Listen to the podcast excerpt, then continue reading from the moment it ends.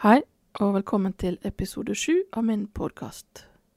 Jeg heter Manuela, og i dag har jeg snakka med professor i samfunnspsykologi og lykkeforsker Joar Wittersjø. Han har forska på lykke og det gode liv i over 30 år. Så jeg er jo litt nysgjerrig på hva du har funnet ut da, Joar. Ja, ikke sant. Ja, nei, men eh, jeg kan godt eh, si litt om eh, hvem jeg er. Fordi jeg heter jo jeg heter Joar Wittersjø og er professor i samfunnspsykologi ved Universitetet i Tromsø. Og har jobba med spørsmål som handler om lykke og det gode liv i, i mer enn 30 år nå. Så det er jo et tema som jeg har brent for og lurt på og undra meg over i ganske lang tid etter hvert. Så noe av det som fascinerer meg med den tematikken, er jo for det første at uh, det er noe mennesket har vært opptatt av uh, bestandig, antageligvis. Og noe av de liksom lengste og, mest spennende tradisjonene innenfor tenkning og idéhistorie og filosofi og for så vidt religion også, så har jo liksom eh, denne tematikken knytta opp til hva det vil si å leve et godt liv, eh, som et slags grunntema. Da. Og, det er det som også fascinerer meg. Eh, hva betyr det å leve godt, og hva kan vi gjøre for å både forstå hva et godt liv er for oss, og hvordan vi da kan prøve å nå Eh, det målet om å leve bedre etter hvert som vi veit mer om hva det vil si, da. Ja. Er det noen forskjeller i, i løpet av den tida du har forska på det, i forhold til hva som gjør folk lykkelige eller tilfredse, eller har det bra med seg sjøl? Det er jo på mange måter det. Det er eh, eh, Det har jo vært en ganske stor utvikling, syns jeg, i, på to måter, egentlig. Og, og det ene er jo å eh, forstå hva det handler om, og hva det er, som vi jo for så vidt gradvis gjør mer og mer. Og, og det andre som også er eh, ganske spesielt egentlig for sånn livskvalitetsforskning, det er jo den voldsomme interessen som det har fått. Da, fordi hvis en virkelig går sånn historisk til verks, så er det helt åpenbart at det har vært tidsperioder hvor eh, lykke i betydningen et godt liv eh, har vært veldig sentralt. Så de greske filosofene er et eksempel, men også mange av de som levde i det tidlige Romerriket f.eks. Hadde mange tanker og brukte mye tid på å prøve å forstå hva det er som gjør at vi får gode liv. Eh, så kom det noen perioder, i hvert fall her i Vesten, hvor det egentlig blei sett på som litt suspekt, og kanskje litt farlig, egentlig. Det er jo mange sånne historier fra middelalderen f.eks., hvor, hvor mange sånne religiøse strømninger eh, var, var, direkte motvillig innstilt og delvis fiendtlig innstilt til ideen om at vi som bor på denne jorda, skal prøve å ha det så godt som mulig mens vi bor her. Eh, jeg har en sånn favorittstrofe fra en salme som går noe sånt som at hver gledesstund du har på jord, betales skal med sorg. Som jeg syns på en måte fanger opp noe av en sånn tidsånd. Og, og, og, og, greia er jo at den, den ideen om at lykke lykke og positive følelser er farlig, oss, farlig, for oss, som har vært en del av en sånn religiøs epoke, ble jo overtatt av intellektuelle og kunstnere på midten og slutten av 1800-tallet, hvor, hvor, det å være lykkelig ble ansett som å være litt sånn overfladisk, eh, useriøst og fullstendig uforenlig med det å leve et kreativt kunstnerliv. Eh, og, og, den tendensen har nok fortsatt eh, mer eller mindre inn og opp imot vår tid. Sånn at eh, f.eks. når jeg snakker med journalister for eksempel, om, om lykke, så er det nesten alltid i en sånn underholdende sammenheng. altså Noe som skal inn i en eller annen lørdagsmagasin eller noe sånn lett. Mens for meg så er det det stikk motsatte. altså Det er det absolutt viktigste spørsmålet som vi kan stille oss.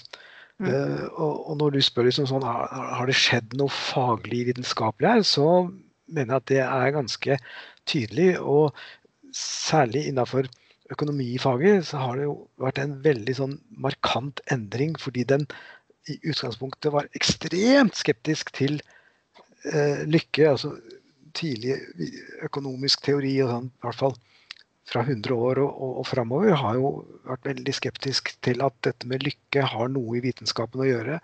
Mens nå, i løpet av de siste la oss si 15-20 åra, så er det jo stadig flere økonomer som eh, driver med noe som kalles for lykkeøkonomi.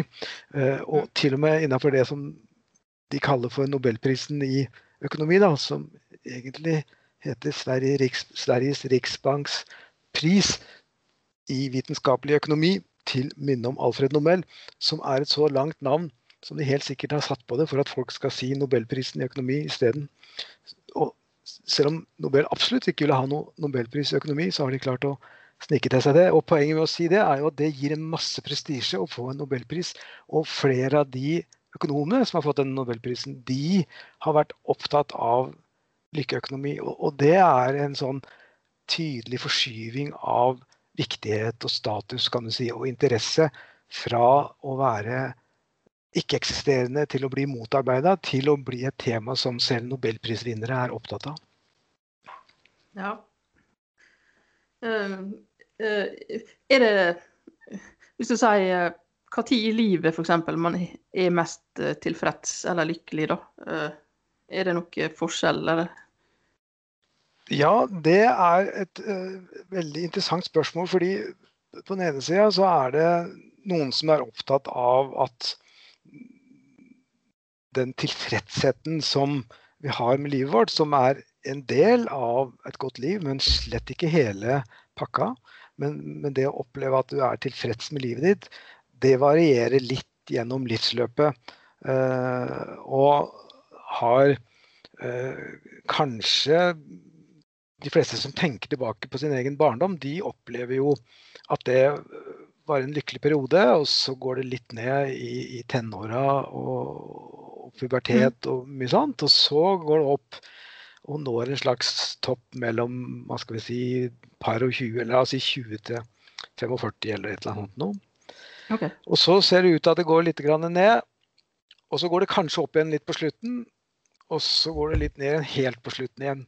Det er en sånn kurve som, som mange mener fins, og så er det noen som diskuterer hvor, hvor, mye, hvor store forskjellene er. Eh, og jeg tilhører vel dem som tenker at det, forskjellen i den tilfredsheten du føler på topp som kanskje 35-åring, versus det som er en slags bånd som 50-åring eller noe sånt, er ganske liten. Eh, men den er nok der. altså Den er nok målbar. Så litt forskjeller er det. Men, men det som jeg syns er mer spennende, er jo å se på andre dimensjoner eller andre forhold i livet vårt som vi også er opptatt av, som ikke nødvendigvis bare går på sånn tilfredshet, men som kan ha å gjøre med eh, en slags rikhet, eller opplevelsesrikhet. Da, altså sånn dybde mm. i opplevelser. For, fordi som barn så tror jeg nok du har eh, så, sånn Opplevelseslivet ditt er veldig sånn dikoton på en måte, da, litt sånn todelt. At det er sånn, veldig intenst og, og lykke, velbehag på den ene sida, og liksom sorg eller frustrasjon eller sinne eller sånn andre sida, og, og, lite sånn imellom. Og, og, også lite sånne nyanser i de gledesfølelsene som er. Mens, mens, noe av det som skjer med oss når vi utvikler oss som mennesker, er jo også at vi utvikler en rikere evne til å oppleve nyanser i de gode følelsene. Eh, sånn at mange eldre f.eks. har jo gode følelser knytta til ting, ting, ting, som går på en, en, form for engasjement, kanskje. En form for oppslukthet, en form for interesse. Som ikke mm. nødvendigvis oppleves som spesielt behagelig, men som allikevel oppleves som noe godt. Uh, og jeg, hvis en skal liksom gi et eksempel som, som, kanskje mange kjenner seg igjen i, så, mm. så, er det jo noe med at musikk det kan gi oss veldig mange forskjellige typer opplevelser. Ja. Uh, og sant, for små barn, eller altså, de som er litt yngre enn oss som har levd noen år, så, så er det, sant, det er enklere melodier og det er enklere ting som, eh, som, de liker å høre på. Og etter hvert som du mm. utvikler musikksmak, og særlig de som virkelig er gode på det og er kanskje profesjonelle musikere eller bruker mye tid på, på å utvikle en slags sånn musikalsk forståelse, de har jo et veldig repertoar av ulike typer følelser. Uh, som ikke nødvendigvis er den type velbehag og munterhet som femåringer liker, men som allikevel er veldig viktig for dem. Da. Så mm. når det gjelder den opplevelsesrikdommen, så tror jeg nok bildet ser litt annerledes ut enn hvis du bare ser på liksom, hvor tilfreds folk er med livet sitt og følger en slags livssyklus. Da. Ja. ja, det blir en annen måte å oppleve det på kanskje da, når man er eldre. Annen måte å oppleve det på, og andre ja, det er egentlig det det er. Altså, det er andre typer opplevelser. Uh, og jeg kan godt tenke meg at, at uh, hvis du snakker med sånne gourmetkokker og for så vidt folk som har peiling på god mat og kanskje også god vin, og hva vet jeg, så, så er det òg en sånn tydelig utvikling i eh, smaksmuligheter og opplevelseskvaliteter som gjør at de får andre, og ikke bare andre, men mer varierte opplevelser som også da er en del av et sånt eh, livsløp, og, og, som det er liksom, tror jeg er viktig eh, i livet å ha mulighet til å utvikle. Da, at vi får mulighet til å utvikle de kapasitetene som vi for så vidt har, til et sånt rikt opplevelsesspekter. Mm. Ja. Um, er noen kulturer eller land i verden som mer Eller hva skal jeg si, mer lykkelige. ja, og det er det for så vidt. Men, men, igjen, så det som er litt spesielt, og som vi kanskje burde snakke litt om, det, det er jo nettopp dette med at ordet lykke det blir mm. brukt på så mange forskjellige måter. Og særlig når du snakker om eh, hvordan det brukes i andre land og andre kulturer, og kanskje også andre historiske epoker. Da. Så eh, jeg, bruker jo lykke som et sånt synonym med det vi kanskje kaller som et godt liv. Altså lykke, det gode liv, livskvalitet. Mens mm. andre måter å bruke ordet lykke på, er jo å beskrive en bestemt følelse. Eh, mm. Som alle kjenner. Altså, vi snakka om med, med, unger og sånn, som har ofte en sprudlende glede, en sånn lykkefølelse. Eh, som er en avgrensa emosjon, kan du si. En bestemt type følelse som vi kanskje særlig kjenner når vi blir forelska. Da er den jo veldig intens og, og relativt langvarig òg. Eh, I hvert fall kanskje to-tre måneder. Mens andre intense opplevelser, som det å nå et viktig mål, eller kanskje lære seg noe nytt og oppleve en slags mestring, er jo mye mer sånn kortvarige ting. Og jeg opplever ofte sånne misforståelser når jeg snakker om lykke mer i betydningen av eh, et godt liv, som involverer mange dimensjoner. Så er det kanskje noen som tror at jeg bare snakker om disse her eh, følelsene av kortvarig, intens, positiv opplevelse, og det gjør jeg ikke.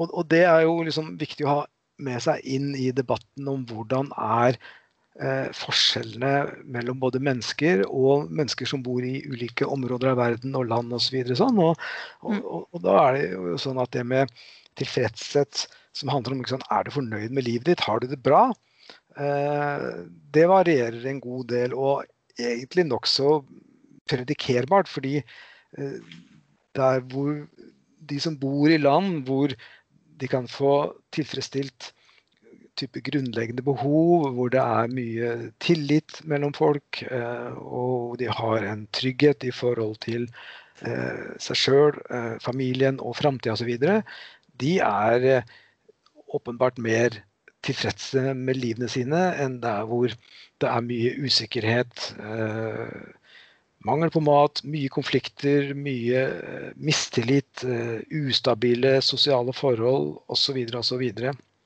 Mm.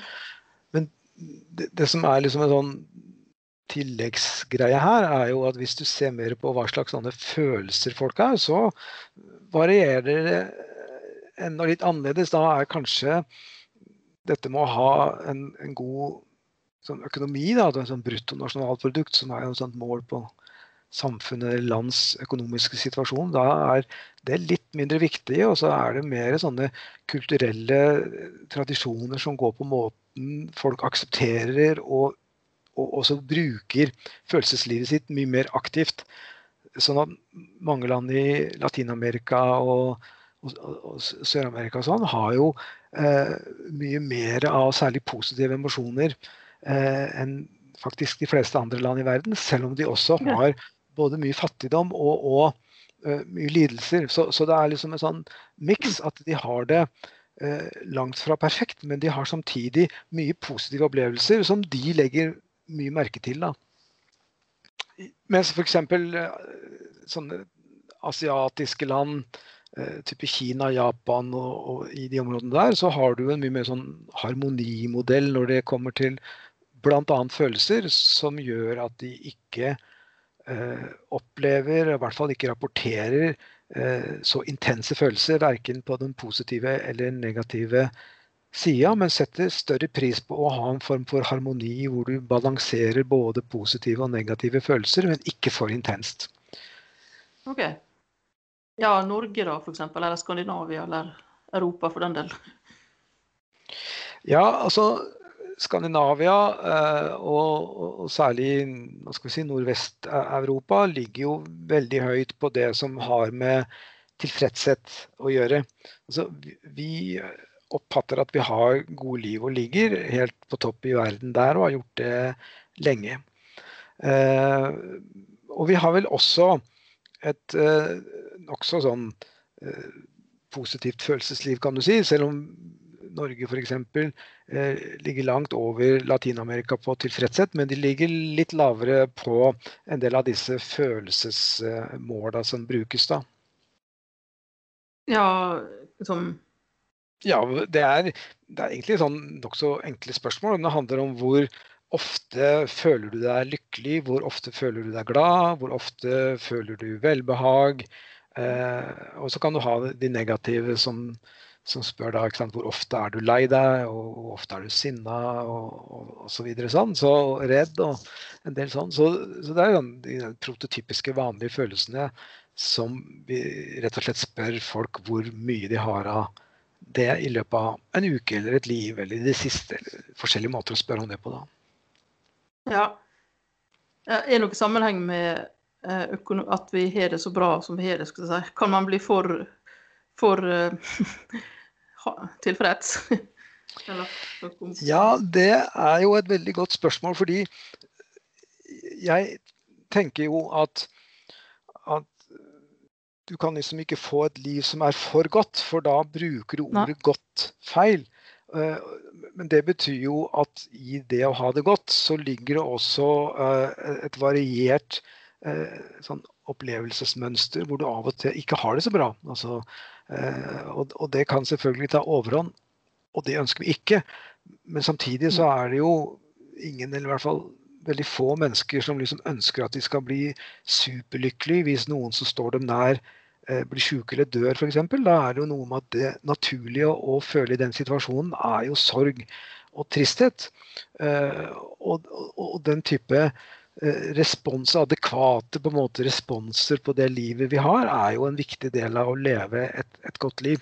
Så det betyr at noe variasjon er faktisk bra, selv om det kan oppleves ille i perioder. og å være lei seg eller å være redd osv. Så sånn. Så, men det betyr jo at hvis du har for, altså, hvis du liksom har på en måte et slags sykelig høyt nivå hvor du alltid er lykkelig, så mm. kan det eh, altså Hvis det bare er denne lykkefølelsen jeg snakker om, så vil jo det være et, et, at du har et snevrere på en måte opplevelsesregister og et fattigere opplevelsesliv enn et menneske som har mer variasjoner.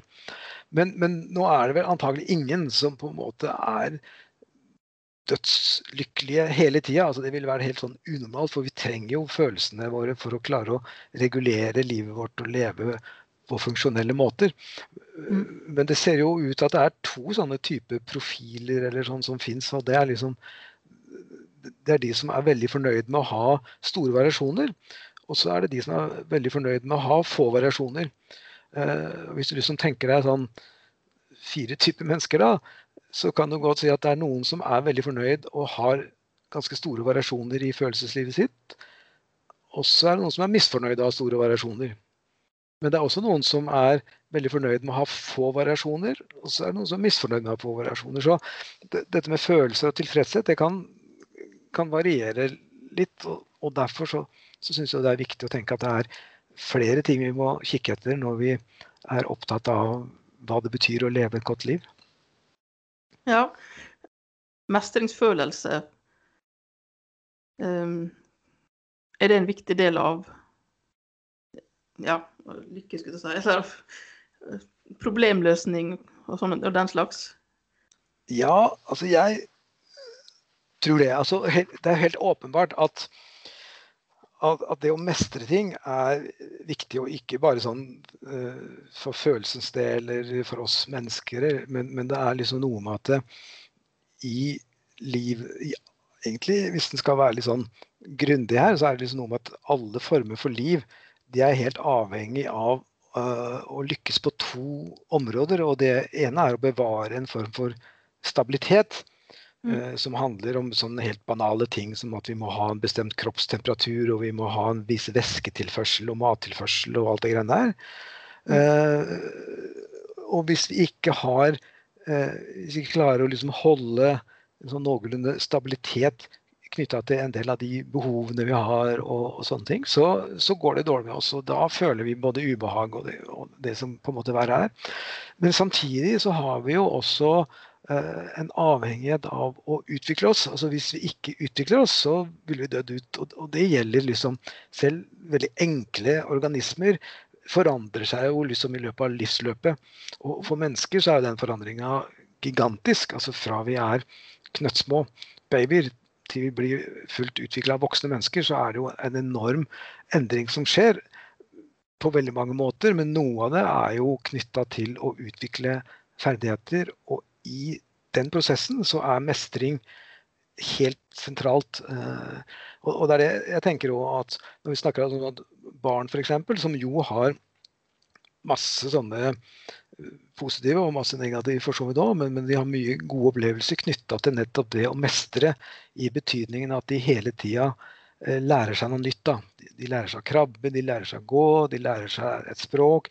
Og de lærer seg ikke minst eh, å omgås andre. altså De lærer seg sosiale normer, som er egentlig en litt sånn oversett eh, tematikk når det gjelder livskvalitet, syns jeg, og som vi gjerne kan snakke litt mer om. Men alt det.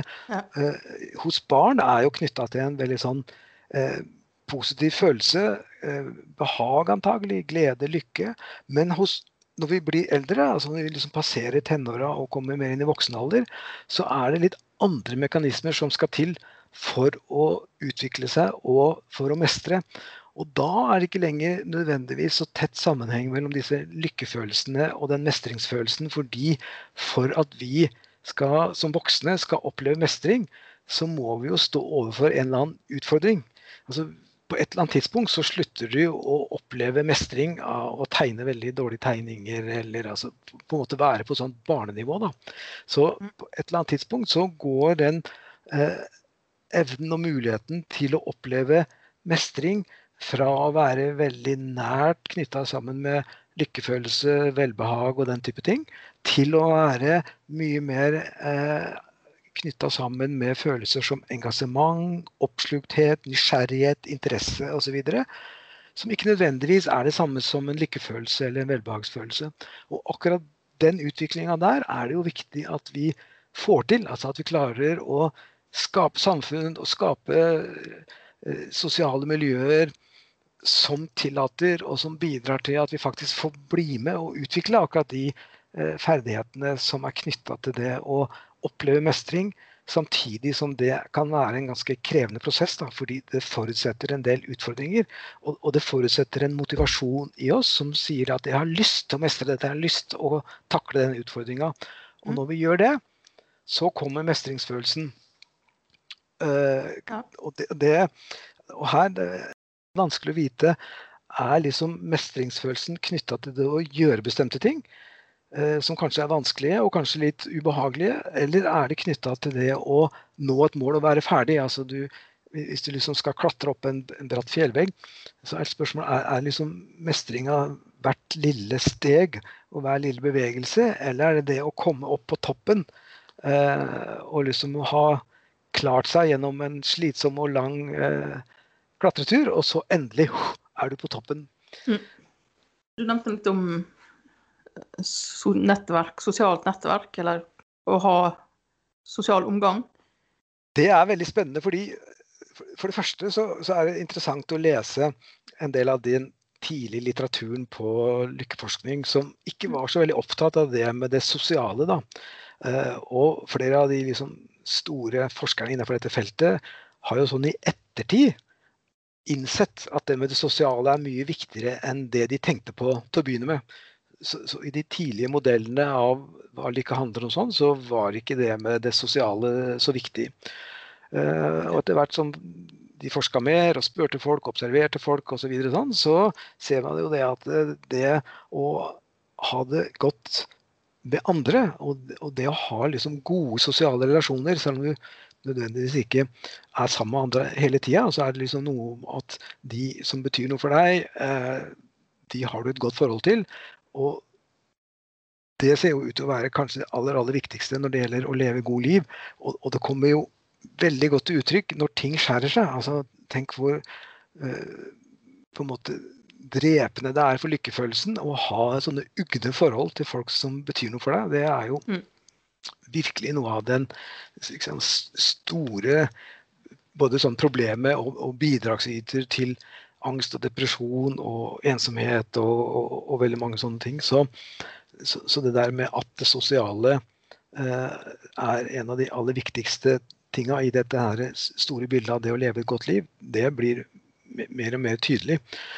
Og, og da er det jo også spennende å se på sant, hva betyr det å utvikle ferdigheter som ikke bare handler om å bli en god musikant eller en god sjakkspiller eller skiløper eller fjellklatrer eller hva det måtte være, men at du blir en god eh, et, godt medmenneske. En, en, som har evner til å håndtere og trives eh, i det sosiale, mm. som jo er altså, like viktig for oss som vann er for fisken, på en måte, og kanskje derfor like lett å glemme. da. Eh, jeg tror litt at eh, fordi det er så selvsagt at vi er sosiale, så glemte de det da de begynte å utvikle lykketeorier. Litt på samme måte som disse her, eh, disse flosklene holdt jeg på å si, om at liksom fisken er den siste som skjønner at den lever i vann. Så er det litt sånn at mennesket er noen av de siste til å skjønne at de, opp, at de lever i en kultur. Da, og, og den, er, den er helt fullstendig altså Vi er helt fullstendig gjennomsyra av den kulturen. Og da er det veldig spennende å tenke sant, hvilke ferdigheter og hvilke utviklingsmuligheter er det som gjør oss gode til å leve sammen med andre? For det ser jo ut til at det er da vi har det aller best. Altså. Når det funker sosialt, så har vi det best. Ja. Er det noe som blir viktigere dess eldre man blir? Ja, det er et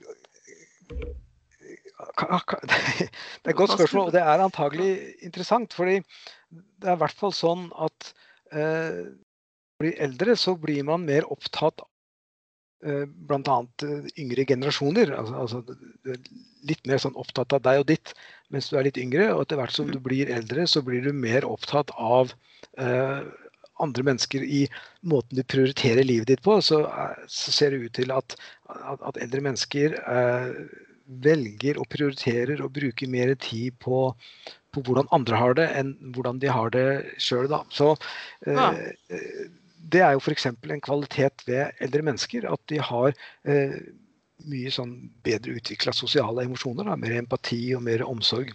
Ja. Som en sånn generell trend. da. Så der går jo utviklinga i rett retning, eller i en bestemt Ja, jeg oppfatter det som en rett retning, da. Ikke sant? Altså, selv om du kan svinge litt når det gjelder tilfredshet, så er det jo en del av den type emosjoner som er veldig viktige for at det sosiale skal fungere, som faktisk blir bedre med alderen. Ja. altså vi utvikler oss eh, litt, litt, litt hele livet da, på den måten. Ja, mange alderdomsforskere mener det, da. Så det, og det tror jeg nok at vi har eh, Vi, vi utvikler oss eh, for så vidt hele livet. Men, men det er klart at det er en del ting som det går treigere å utvikle med alderen. altså sånn Språk er jo et sånn typisk eksempel som du lærer mye lettere når du er for det første veldig ung, og siden ikke fullt så gammelt og sånn. At det er visse ting som, eh, som det er vanskeligere å lære som eldre, men samtidig så kan det jo være andre ting som man, som man utvikler der. Og, og kanskje først og fremst dette perspektivet, da, det sosiale perspektivet som vi har snakka om, som, som antagelig er vel så godt utvikla eh, hos de som er eldre. Ja. Um, kreativitet, er det noe som er knytta til økt nivå av tilfreds eller kreativitet i seg sjøl? Er det noe du har vært innom? Ja, for så vidt. Og det har vi for, for så vidt snakka om, vi også. fordi altså, dette her med den tidsånden som var blant eh, kunstnere og intellektuelle Ja, eh, ja. tidligere, og til en viss grad eh, ennå. Den hadde jo å gjøre med en sånn forestilling om, om at når man var såkalt melankolsk, da, som egentlig er en ja, kanskje ikke så lett å vite akkurat i dag, for det var, det var liksom noe mer enn kanskje bare en depresjon, men at det var jo stort sett triste følelser som, som dominerte. Og, og mange kunstnere har jo tenkt at det er liksom uh, melankolien som er liksom kreativitetens uh, drivkraft. Og, og det stemmer jo ikke særlig godt. Det er jo for så vidt spørsmål som fortsatt blir forska på og diskutert, så det er nok noen som er uenige i det. Men det er ganske mye som tyder på at uh, kreativitet er avhengig av spesielt to ting. Da. Og, og det ene handler jo om at du må ha eh, nye ideer. altså Du må på en måte få assosiasjoner til noe som Mm. er eh, nytt. Og, og det er helt åpenbart at i positivt stemningsleie så får du flere assosiasjoner. Eh, så hvis du er i godt humør, og jeg ber deg si så mange ord du kommer på bokstaven S, eller hva assosierer du med ordet vann eller snø, eller ikke sant? Og da er jo det å være i godt humør eh, et veldig pluss. Eh, Men en annen ting med kreativitet er jo også at du må ha en viss utholdenhet. Fordi at det er veldig sjelden at en eller annen sånn, et blaff av en idé er nok til å utvikle noe til å få en betydning utover en sånn løs idé. Da. Den må jo implementeres på en måte i et, i et samfunn hvor, hvor du, hvis du er en musiker eller noe sånt, så, så får du noen ideer, og så må du jo liksom skrive en tekst eller en melodi, og det kan jo være eh, alt annet enn behagelig, og da må du også ha en viss sånn utholdenhet. Da. Så, så noe av det som jeg har sett på i forskninga mi, er jo hvordan igjen disse her eh, lykkefølelsene og disse engasjementsfølelsene spiller litt ulike roller i hele dette bildet, fordi du får lett mange gode ideer når du er i godt humør, men samtidig så er det også lettere for å gi opp. da. Det er jo noen noen stilige undersøkelser som spør folk som er i godt humør sånn, sånn, er dette godt nok. Altså, de skal løse noen oppgaver, og sånn, så spør du er det dette godt nok. Ja, sier de, det er godt nok, og så slutter de. Men hvis du spør kan du gjøre det bedre, så sier de ja, jeg kan gjøre det bedre, og så fortsetter de. Så, så det er liksom den derre vekselvirkningen innenfor kreativitet som både handler om å, få assosiasjoner og gode ideer, men samtidig å ha nok engasjement til å orke å fullføre eh, de eventuelt gode ideene eh, som du måtte få, eller som du, måtte- ja, som du måtte ha. Og bare for å avslutte det med de sånne der kunstnerne, så er det jo det var en ganske stilig studie som kom for noen år siden, hvor det var en forfatter som mente at han var absolutt mest produktiv i sine depressive, melankolske faser. Han var litt sånn ja. bipolar, da, opp og ned-type, med lange perioder med veldig godt humør og lange perioder deprimert. Mm. Mens han hadde en veldig god venn som førte dagbok. Uh, og ifølge dagboka til denne vennen, så var det jo mens han var i de gode periodene, at han skrev både mest og best, og at han var veldig lite produktiv i, i de tunge bølgedalene. Men det interessante er at han som var forfatteren sjøl, han opplevde litt motsatt. Så selv om noen da kan si at jeg er mye mer produktiv når jeg er nedfor og lei meg, så er det ikke sikkert det er helt sant. For hvis du systematisk går inn og undersøker på en måte både stemningsleie og produktivitet, så kan det jo se ut som det er litt motsatt. Ja, så den myten om lidende kunstneren er kanskje ikke helt uh... Nei, den er kanskje litt sånn overdrevet. Samtidig så er det jo noe med at hvis du er veldig fornøyd. Så er du heller ikke så motivert for å yte det lille ekstra, da. Uh, ja. Og det ligger litt egentlig i liksom sånn tilfredsheten og behages natur. altså Hvis du tenker på litt som sånne signaler som kroppen gir deg for at nå har du det bra. Nå er det egentlig greit. Du trenger ikke å bekymre deg for å slite mer for du er mett f.eks. Eller du er utørstet. Du trenger ikke bekymre deg for hvordan du skal få et nytt glass vann. Uh, og, og, Det var nok sånn liksom, den tilfredshets-, velbehagsfølelsen utvikla seg i, i vår forhistorie. Eh, så det er noe med at eh, når du er tilfreds, så er du heller ikke like sulten eller motivert for å eh, gjøre noe ekstra. Så det er nok en litt sånn balansepunkt der, og det er derfor jeg tror at dette med engasjement er spesielt viktig. Da. Og engasjementet er egentlig en, en, følelse som får deg til å prestere litt mer, selv om du er sliten og trøtt og sulten og har lyst til å gi deg. Altså, hvis du virkelig er opptatt av noe, brenner for noe, så holder du ut selv om du får noen signaler fra kroppen som sier at kan du ikke slutte, og nå er jeg trøtt og sånn. da. Ja, altså hvis du har ambisjoner, da er du ikke nødvendigvis så Eller eh, ambisjonsnivå, er det Hvordan det spiller en på Hvis du uh, F.eks. når du er yngre, så er du kanskje gjerne mer større ambisjoner, da. Og kanskje, da er ikke du like uh, ja, lykkelig, skulle du si sånn? Eller? Nei, men, men, det er litt sånn uh, altså, Det som er litt sånn interessant, da, det er litt forskjell på liksom sånn dynamikkene som driver deg til uh, å jobbe hardere for å nå et mål. Mm. de sånn her og nå-følelsene, de er ikke nødvendigvis prega av sånn velbehag, i alle fall, men mer en slags sånn engasjement og 'dette vil jeg'-type følelse. Men hvis du ser på livet mer generelt, da, hvor fornøyd mm. er de som jobber hardt og får ting til, og de som er mer sedate og er fornøyd med lite, på en måte, så er det egentlig ikke så mye forskjeller.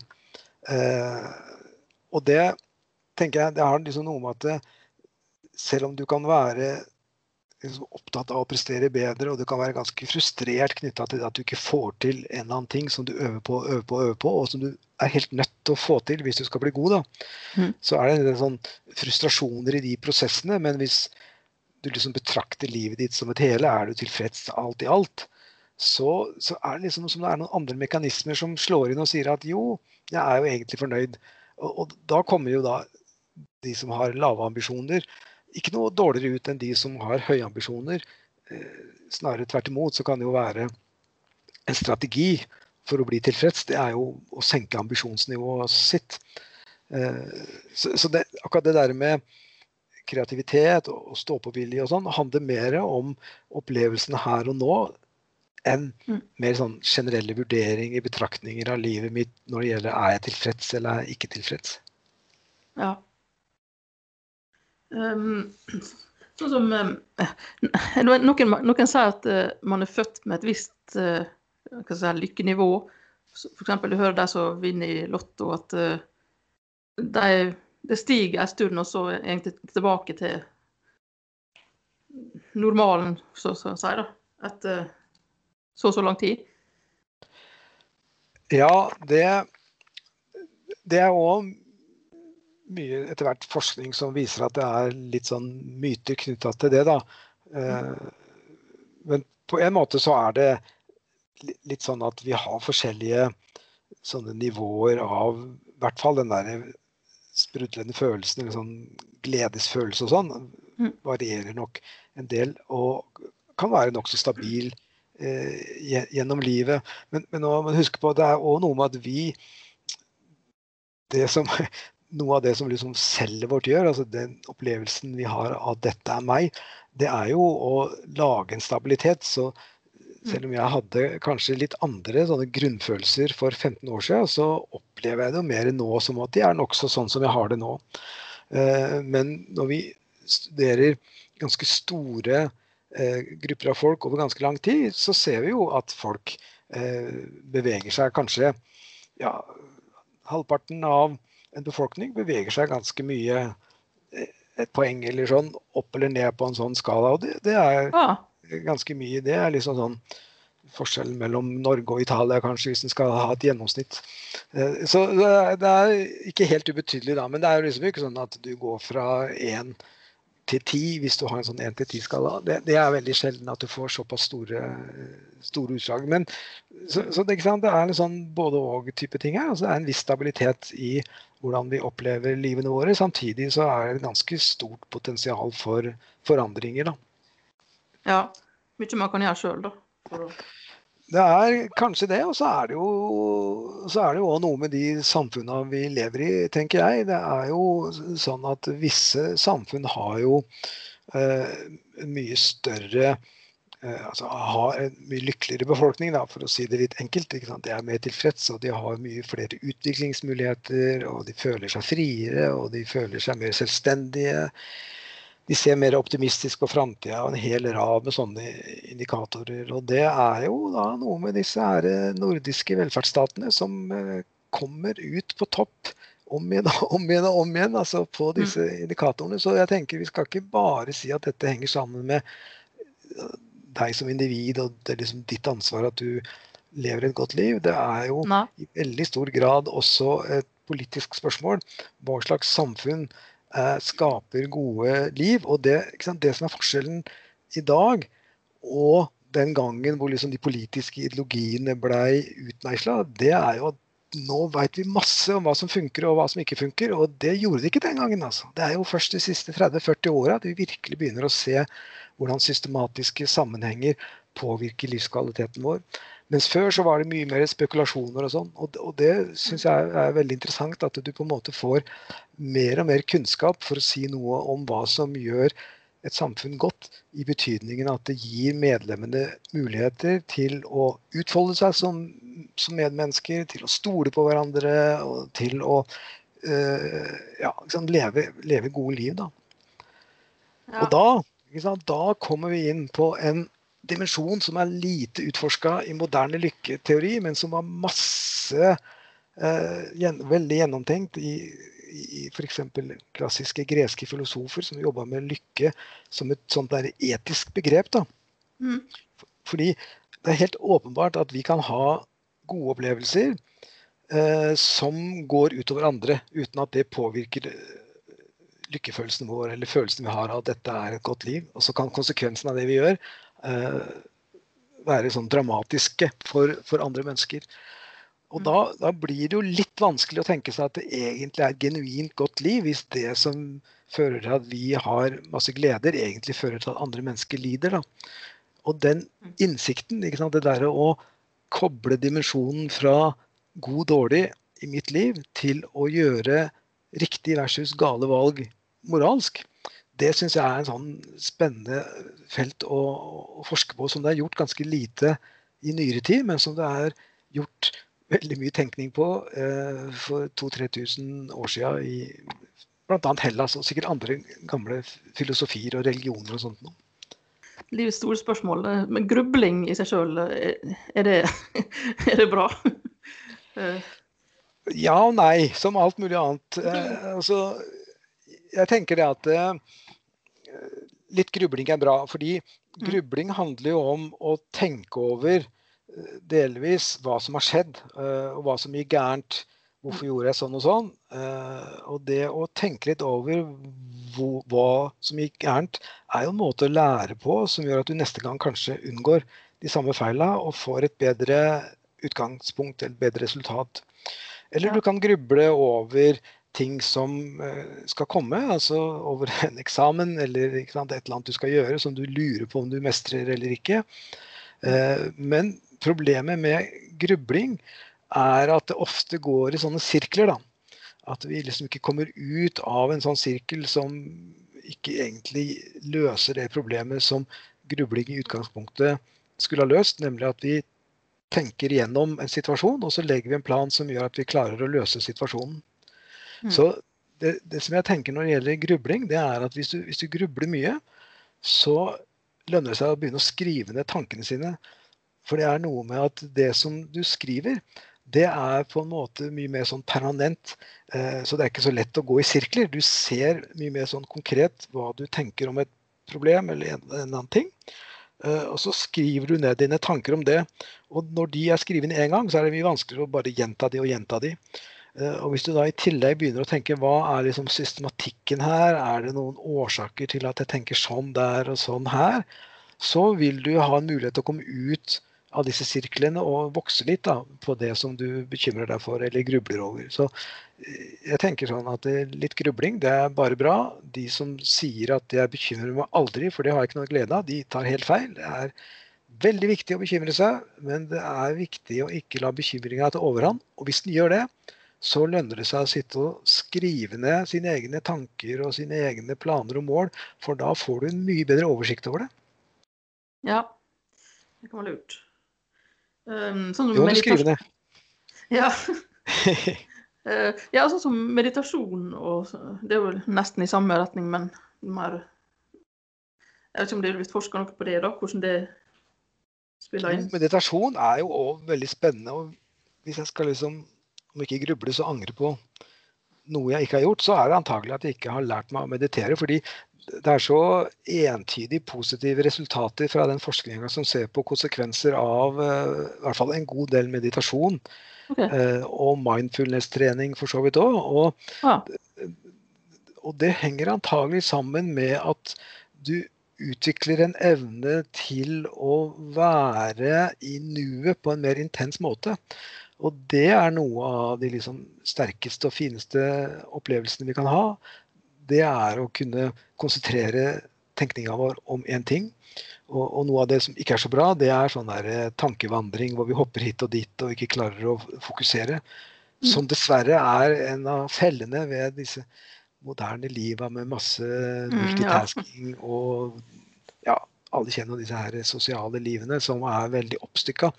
Uh, så, så, det ser ut som at de som mestrer dette med meditasjon, Eh, de har stor glede av det sånn opplevelsesmessig. altså De får bedre opplevelseskvaliteter. Og de klarer også å tror jeg, komme ut av situasjoner som er på vei til å skli i feil retning, ved å kanskje samle tankene og meditere og, og liksom snu en sånn utvikling. da.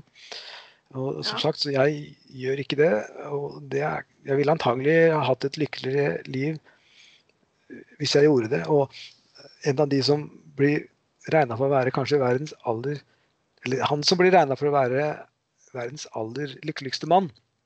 Han heter Mathieu Ricard, og han er fransk. Men han har levd store deler av livet sitt i Tibet og India sammen med Dalai Lama. Og, og, og virkelig utvikla teknikken med å kunne meditere. Da. Og, og han har altså, så, nettopp det der med den evnen til å kunne konsentrere oppmerksomheten sin om, om, visse ting og ignorere andre. Og det gir veldig sånne gode lykkeopplevelser, åpenbart. Ja, eh, Han som du nevnte, verdens lykkeligste mann, jeg vet ikke hvorfor? Eller ble litt nysgjerrig.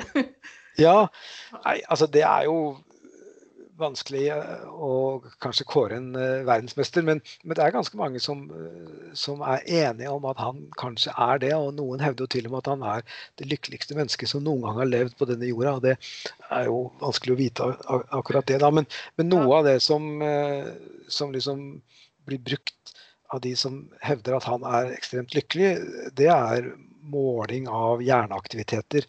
Ja som nå er blitt ganske avansert og sånn. Så, så, da kan du jo se hvordan på en måte hjernerytmene eh, i bestemte områder av hjernen kanskje, eller synkronisering mellom ulike deler av hjernen, eh, er ekstremt mye mer harmonisert og mye mer i tråd med det som vanlige folk som sier at de er lykkelige, også har. For du kan se litt sånne forskjeller i, i hjerneaktivitet på de som er lykkelige og de som ikke er det. og denne Mathieu Ricard han er da, uh, ligger jo sånn himmelhøyt over nesten alle andre på, på sånne mål.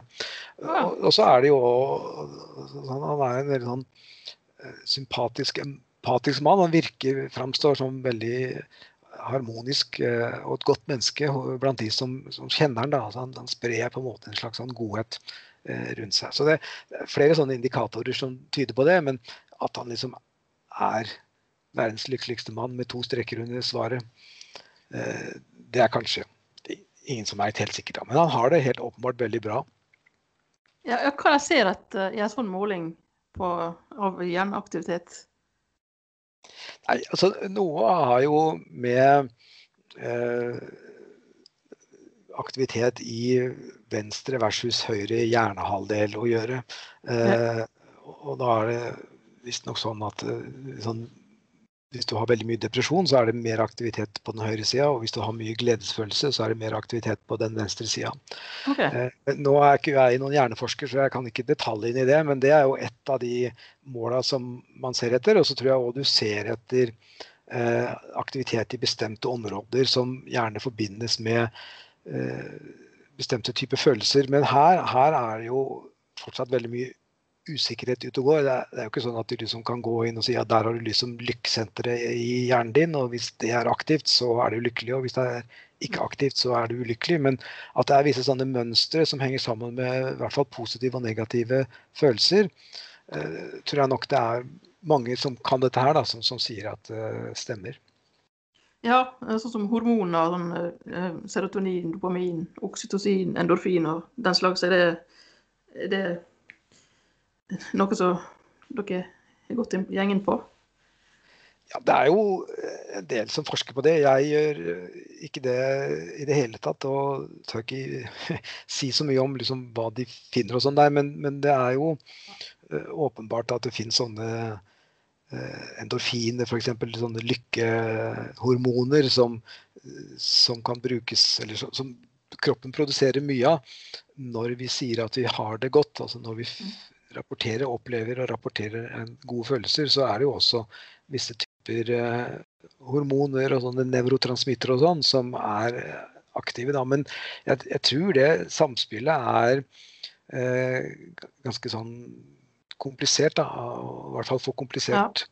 til at jeg skal liksom si at sånn og sånn er det. Men, men på en måte så er det litt naturlig at, at, at, det er prosesser i hjernen som både er sånne elektriske og som er kjemiske, da, og hvor hormon og sånn er på det kjemiske, som, som påvirker måten vi, tenker på. Og, og, det du sier med oksy, oksytocin, som, mm. som, jo egentlig er en sånn sosial, antagelig, omsorgshormon.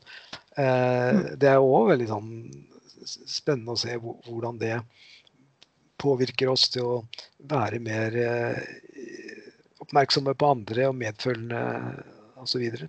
Ja, tilknytning. Tilknytning. Ja, absolutt. Men, Men også ja. ja. Nei, det er jo alltid sånn eh, innenfor forskning at du liksom får noen funn som man er da kanskje veldig entusiastisk i forhold til det å begynne med, og så forsker man mer, og så ser man at det er mer komplisert. Og akkurat det med oksytocin, så er det jo nå veldig mange som er opptatt av at hvis du på en eller annen måte eh, introduserer eller øker oksytocinmengden hos folk, så blir de veldig medfølende, samarbeidsvillige eh, og sånn. Men samtidig så blir de òg veldig sånn beskyttende for gruppa si, og mer sånn fiendtlig overfor andre grupper. da, Så den derre okay. uh, veldig viktig, eller viktig, men altså en veldig sånn dominerende tendens hos, hos mennesker å skape sånne inngrupper og utgrupper. Og når vi er inne på dette med utvikling, så er jo noe med at eh, en positiv trend som har foregått over flere hundre år i vår verden, er at vi stadig får større sånne vi-grupper. Altså vi inkluderer stadig flere grupper i vi-gruppa og, og, i oss-gruppa. Men, mens akkurat det er noe med denne oksytocin som ser ut som liksom at de får en slags sånn avstand til det de oppfatter som de. da. Og det er jo ikke så bra å liksom lage veldig store skiller mellom oss og dem. Det er jo en av de virkelig store utfordringene som verden står overfor, syns jeg. Ja, det er viktig med balanse på alle Ja. felt. Det er viktig. Så det er mye vi ikke forstår. Ja. Men, men hva som kommer først? Er det uh, f.eks. hvis du tenker på det biokjemiske, hva tror du kommer først av eh, det indre og det ytre? Høna eller egget? Ja. Ja, altså Vanskelig spørsmål. Ja, fordi, fordi altså eh, Hvis jeg liksom skal anbefale en bok, så akkurat om det, så er det en som heter Robert Sapolsky, som, som er fra universitetet i Stanford i USA, som har skrevet en bok for et par år siden som heter 'Behave'. Og han skriver jo jeg vet ikke, 600 sider eller noe sånt om hvor vanskelig det er å egentlig svare på det spørsmålet. fordi at det, før det kommer en eller annen kjemisk reaksjon i hjernen din, så ligger jo en struktur, og før den strukturen så lå det en annen struktur, og så har du liksom egentlig en sånn evolusjonær Altså du har liksom både eh, hele din personlige utvikling som påvirker hvordan disse kjemikaliene samvirker i hjernen din, men, din personlige utvikling henger jo sammen med samfunnet du lever i, og det henger jo sammen med liksom den evolusjonære utviklinga fra veldig annerledes og mye enklere eh, organismer. Det har jo en uendelig sånn, årsaksrekke bakover. Og akkurat liksom sånn å isolere Er det hormonene som kommer først, eller er det følelsene som kommer først? er antagelig et litt for vanskelig spørsmål til å svare. I hvert fall så er det, kommer du ganske langt å si at det er et sånt samspill her. Altså. For, det er helt åpenbart at det, det, er så mange sånne samspillseffekter, som de kaller det, som påvirker hvordan vi f.eks.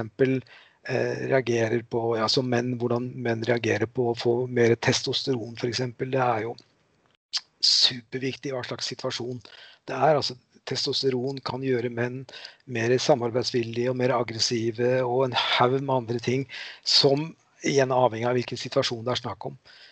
Eh, så han Sapolsky foreslår f.eks. For at kanskje det har noe å gjøre med ønsket om å være godt likt. Og at hvis du tror at du blir godt likt ved å være aggressiv, så kan det føre til det. Og hvis du tror du blir godt likt ved å være samarbeidsvillig, så kan det føre til det. Men i hvert fall så er det en haug med veldig mots, motsetningsfylte eller forskjellige typer reaksjoner som kan komme som et resultat av at du øker en, et bestemt hormon. Da. Så, så her er det veldig vanskelig å finne årsak-virkninger. Altså. Ja. Um, sånn som um, um, søvn Er det noe du vil si noe om i forhold til ja, altså det, er, det, er, også et interessant eksempel. For det er veldig få livskvalitetsforskere eller lykkeforskere som har vært så veldig opptatt av søvn. Eh, så er de opptatt av liksom, ja, hva, hva, betyr inntekt, og hva betyr kjønn, og hva betyr alder og sånn. Og ingenting av det er i nærheten av å være så viktig som søvn. Og ja. likevel så er det lett å, å glemme det. da, men, men, altså, hvis du er trøtt, og det er jo egentlig common sense, altså hvis du er trøtt, så er du ikke opplagt. altså Da har du ikke disse gode, sprudlende følelsene. Så søvn er superviktig for uh, den følelsesmessige delen av et godt liv, av livskvaliteten. Virkelig, mm. altså. Og underkommunisert. Ja, ja, jeg tror det er veldig viktig. Men, men hva, minimum, da? Minimum søvn, hva bør man ha? Er det noe sånn fasit på det? Eller det er vel kanskje ikke det, men Nei, og da, og da, er det jo plutselig over i et litt annet felt enn det jeg kan. Jeg har jo hørt nylig en, en kollega av meg holdt et interessant foredrag om, om, om søvn. Og, og, da var det jo bl.a. noen som klarte å tvinge tror jeg basketballspiller eller sånt, til å sove opp mot ti timer. Og de presterte faktisk bedre enn de som sov åtte. Men det er jo samtidig vanskelig å opprettholde sånn ti timers søvn hver natt fordi ja. du blir så våken. så, men det er, det er, helt åpenbart ganske store variasjoner. Og så er det jo kvaliteten på søvn. ikke sant? Det er noe med rytmer og dyp søvn og ikke så fullt så dyp søvn og, og sånt noe. Men det å få for lite søvn eh, selv om det er visse individuelle variasjoner, så er det å få for lite i forhold til ditt behov eh, åpenbart en lykketyv. Ja. Pluss at det har masse andre negative konsekvenser som går på prestasjonsevne og evne til å huske ting og lære ting og ja, mange, mange ting som henger sammen med søvn. Ja. Mm, skal vi se eh, Mat og, og, som eh, kan påvirke Er det eh, så tenker jeg sånn Eller det jeg leste, da, at eh, det er visse typer mat som kan Det frie tryptofan som har med serotonin å gjøre. Er det noe du Jeg har jo fått med meg at det blir eh, forska mye, og det kommer jo stadig eh, nye funn som tyder på at, eh, at, at mat er viktig. Der, der, har jeg en helt sånn lekmannsinnstilling til at det er Jeg tenker veldig sånn enkelt at det er helt sikkert viktig å spise sunn og god mat, men hvordan alle disse ulike kostholdstype gjetter dietter og menyer i detalj påvirker, det har jeg ingen Ja, nei, det blir jo litt sånn Kanskje litt omfattende. Ja, og så er det òg litt sånn at det er jo så vanskelig å liksom isolere én bestemt type mat eller Ja. en bestemt eh, næringsmiddel og holde alt annet konstant, på en måte. Og så er det jo dessuten antagelig ekstremt store individuelle forskjeller og sånn. Så det, det er sikkert mye spennende som foregår. Men jeg innbiller meg jo at det er litt sånn eh, et felt som hele tida kommer med nye resultater, som gjør at man må revurdere og tenke nytt og, og sånt noe. Men så, så ja, jeg har ingen sånn sterk formening om, om hva det betyr. Det kan godt hende at det betyr eh, noe. Ja. Um, så, sånn som um, alternative terapier og sånne ting, er det noe du har vært innom? Nei, det er heller ikke noe som jeg har, har noe særlig Nei. peiling på, må jeg si. Eller sånn sjølhjelpsbøker og liksom Ja, Mange Ja, det er jo et hav der, da. ja, der er jo et hav, og veldig mange av dem Nå er det jo forskjellige kategorier, men veldig mange av dem er jo egentlig ikke basert på kunnskap. Da. Det er jo basert på synsinger, og det har jo ikke jeg så mye sansen for. Men, men det som er litt liksom det store paradokset når det gjelder sånn selvhjelpsbøker og lykke, er jo at Mm. når du skal forandre det, så krever det ofte en, en innsats. da. Ja. Eh, Så Den beste selvhjelpsboka jeg egentlig har lest om lykke, den ble jo skrevet på 1930-tallet av en psykolog, faktisk, men, eh, som heter Joanna Field.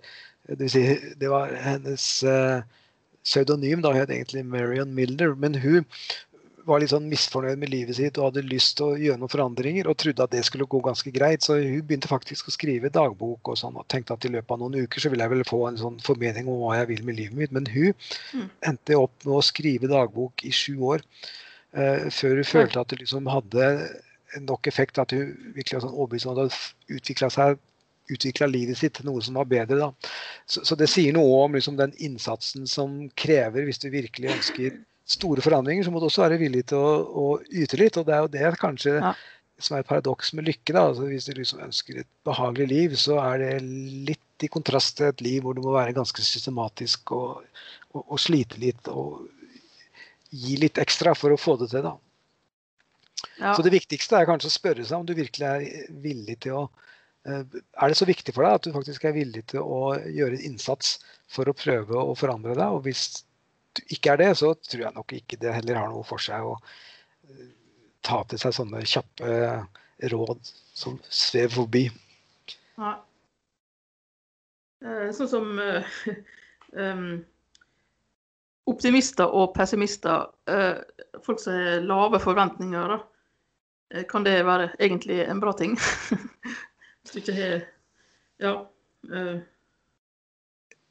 Ja og nei, på en måte. Altså, jeg vil tenke at liksom det eh, optimale, hvis du liksom skal ha et, godt liv i betydningen at det er mye positive opplevelser, og også en del variasjon og sånn et rikt liv, på en måte, det er jo å være litt i retning av optimisme. fordi da er du mer okay. Da tør du å gjøre flere ting. Du tør å åpne deg mer mot muligheter som ofte resulterer i, i opplevelser som betyr noe for deg. Da. Men, men eh, i sånn gruppesammenheng så er det jo klart at det er en balanse mellom de som er superoptimistiske og de som er litt mer pessimistiske, som gjør at du kanskje får litt mer realistiske eh, prosjekter. Da, men sånn på individnivå altså jeg tenker liksom sånn, hvor, Mm. Hvordan vi planlegger ting, så er det klart det kan være godt å ha noen eh, pessimister i gruppa eh, hvis en gruppe ønsker å gjennomføre noe, så er det godt å ha noen pessimister kanskje i gruppa som eh, får inn andre perspektiver, så det ikke liksom sklir helt ut. Men som på individnivå så tror jeg nok det er mange flere fordeler ved å være optimist enn det er ved å være pessimist. Da. Ja. Så det, det, det, litt, det, kan ha litt med innstilling å gjøre, da, rett og slett? Hvis du ja, det er jo noe med at så har du igjen. Ja, ja pessimisme handler jo litt om at eh, det er jo mye skummelt her i verden. og Det er liksom litt å holde litt igjen. da, Å være mm. litt bekymra for det som skjer. Eh, så jeg har jo sansen for den dynamikken, men jeg tror som sagt på individnivå så er det i hvert fall mye mer positive opplevelser av eh, å være optimistisk. Men det kan være andre ting som som pessimister eh, har fordeler av. Altså noen, eh, eh, noen ganger så Ja, nei. Jeg tror det blir spekulasjoner. ja. Um, sånn som dere, folk som bor Eller dere mørketida og sånn, dere som bor langt nord. Du, du er vel i Tromsø? Tromsø, ja. ja. Eh, hvordan den virker inn på Eller er det tilpassa folk ser bare sånn Ja, folk tilpasser seg veldig. og har jo, Vi har faktisk fått publisert en artikkel akkurat om det nå for bare en måneds tid siden, som så på at det ikke bare at de tilpasser seg, men det ser jo ut at eh, jo lenger nord du bor, jo mer verdsetter du jo i hvert fall vinteren. Og, og ekstremt De som liker vinteren mest, det er jo de som bor på Svalbard. Uh, og de som liker vinteren minst, det er de som bor i Oslo. Av liksom Oslo, Tromsø, Svalbard så er det sånn tripp-trapp tresko. Uh, akkurat når det gjelder Svalbard, så er det kanskje ikke så rart, for det er en sånn selektiv innflytting der. Da. Det er ikke hvem som helst som, som bor på Svalbard, på en måte. Men, men det er jo en form for tilpasning. Ikke bare tilpasning, men at du liksom setter pris på de kvalitetene som faktisk fins når det er mørkt og når det er kaldt, f.eks. Det å være godt kledd og ute en fin kald vinterdag, det er jo en fornøyelse i seg sjøl. Så det er jo en del kvaliteter både ved vekslinger mellom årstider, men også ved at det er mørkt. Ting blir stillere, roligere og sånt noe. Ja, så, så, folk tilpasser seg veldig. Og, og, og, det som vel folk Eneste forskjellen som sånn er virkelig godt dokumentert, det er at folk blir trøttere. Da. De blir trøttere om vinteren enn de er om våren. Men utover det så ser det vel ut til at det ikke er så store forskjeller. Nei, sånn med tanke på mørketid, det kan jo være koselig å være inne og stearinlys og liksom Det er litt sånn kan man gjøre det til også, kanskje?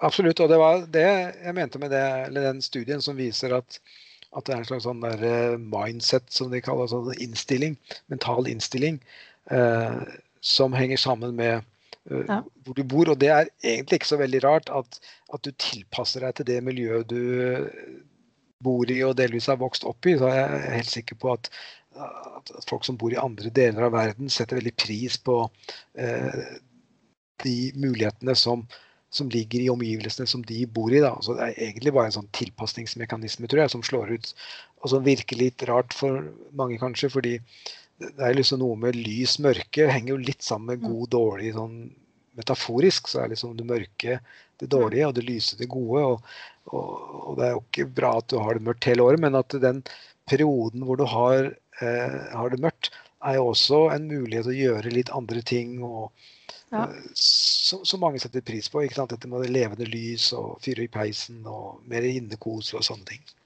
Ja, og noe nordlys og stjernene ser man jo Nordlys og stjerner. Og som sagt, det der med liksom å være ute når det er kaldt. Og det med snø. altså Snø er jo et fantastisk materiale så lenge det ikke er i byen. altså I byen så er det jo bare i veien, men ute i naturen så er jo snøen en, eh, veldig sånn, i hvert fall for meg, sånn, god stimulans til positive opplevelser. Gå på ski og ja. sånne ting.